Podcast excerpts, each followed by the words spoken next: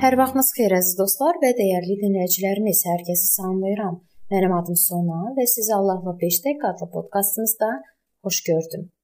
Biz ailədə münasibətlər barədə danışırdıq və xüsusən ərin arvada münasibəti mövzusuna toxunduq. Ərlər, xüsusən də xidmətçi ərlər öz arvadlarını yaxşı tanımalıdılar. Peter arvadlarla ədəblə davranmağa çağırış edir. Bu 1-ci Peter 3:7-də yazılıb. Arvadınızın güclü və zəif cəhətləri hansılardır? Hansı çatışmazlıqları və bacarıqları var? Həddindən artıq gərgin olduğunu göstərən əlamətlər hansılardır? Hər bir qadın özünə məxsusdur. Lazımi səviyyədə qayğısına qalmaq üçün arvadınızı nə dərəcədə yaxşı tanıyırsınız? Tez-tez ər-arvad arasında münasibətlərin gərgin olduğu vəziyyətlərdə səbəb heç də ciddi fikir ayrılıqları olmur. Əgər arvadınız stress vəziyyətdə olduğunu bir üzə verirsə, buna laqeyd qalmayın. Ona kömək etmək üçün cəmi 1 ya 2 saat vaxt ayırmağınız kifayət edə bilər.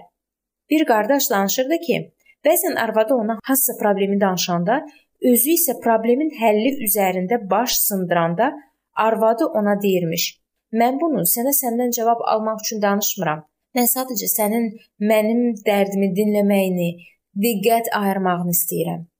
Əgər arvadınızın həyatında hər hansı böhran yaranıbsa, ona lazım olan qədər vaxt ayırın. Öz qrafikinizi dəyişin. Təyin etdiyiniz görüşləri təxirə salın və lazım gələrsə işdən icazə alın. O bilməlidir ki, sizin həyatınızda ən vacib adamdır.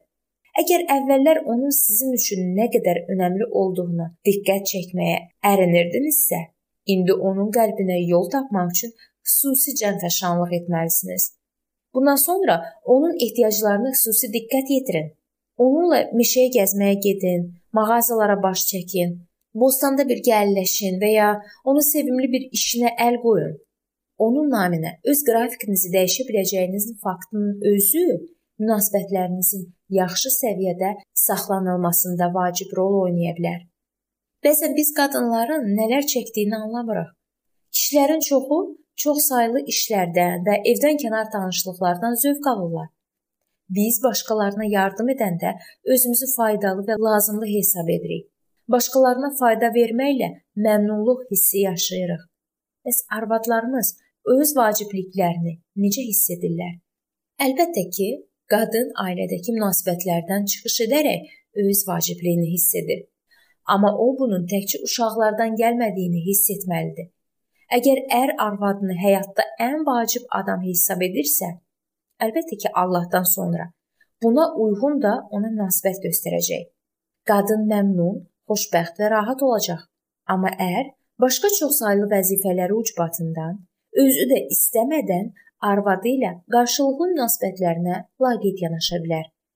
Buna görə də ər ailə qurduqdan sonra hər 6-10 ildən bir arvadı ilə münasibətlərinə yenidən nəzər salmalıdır. Bu münasibətlər adiləşməyibmi? Arvadı həqiqətənmi aralarında olan münasibətlərdən məmnundur? Əgər əvvəlki tək Məsihin imanlar cəmiyyətinə olan sevgisinin gücünü anlamaqda çətinlik çəkiriksə, müqəddəs kitabda bizə aydın olan daha bir meyar tapırıq. Efeslərə 5:28-də yazılıb: Ərlər də eyni şəkildə arvadlarını öz bədənləri kimi sevməlidirlər. Bədənimizi necə çox sevdiyimizi bilirik. Arvadımız yorulubsa və ya başı ağrıyırsa, Rəbb bizdən ona qarşı adətən özümüzə qarşı necə şəfqətli oluruqsa, elə bir şəfqət gözləyir. Arvadınızı özünüz kimi sevə bilməyiniz üçün xüsusi lütf və özündən imtina zəruridir. Amma bu əmrə itaət etməklə onun böyük faydasını görəcəksiniz. Bu mövzunun davamını biz növbəti görüşümüzdə araşdıracağıq.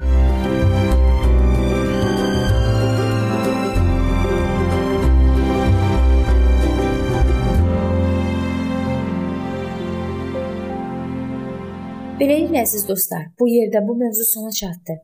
Hər zaman olduğu kimi sizi dəvət edirəm ki, bizim podkastlarımızı Facebook səhifəmizdən və YouTube kanalımızdan dinləməyə davam edəsiniz. İndi isə mən sizinlə sağollaşıram və növbəti görüşlərdə görmək ümidi ilə sağ olun, salamat qalın.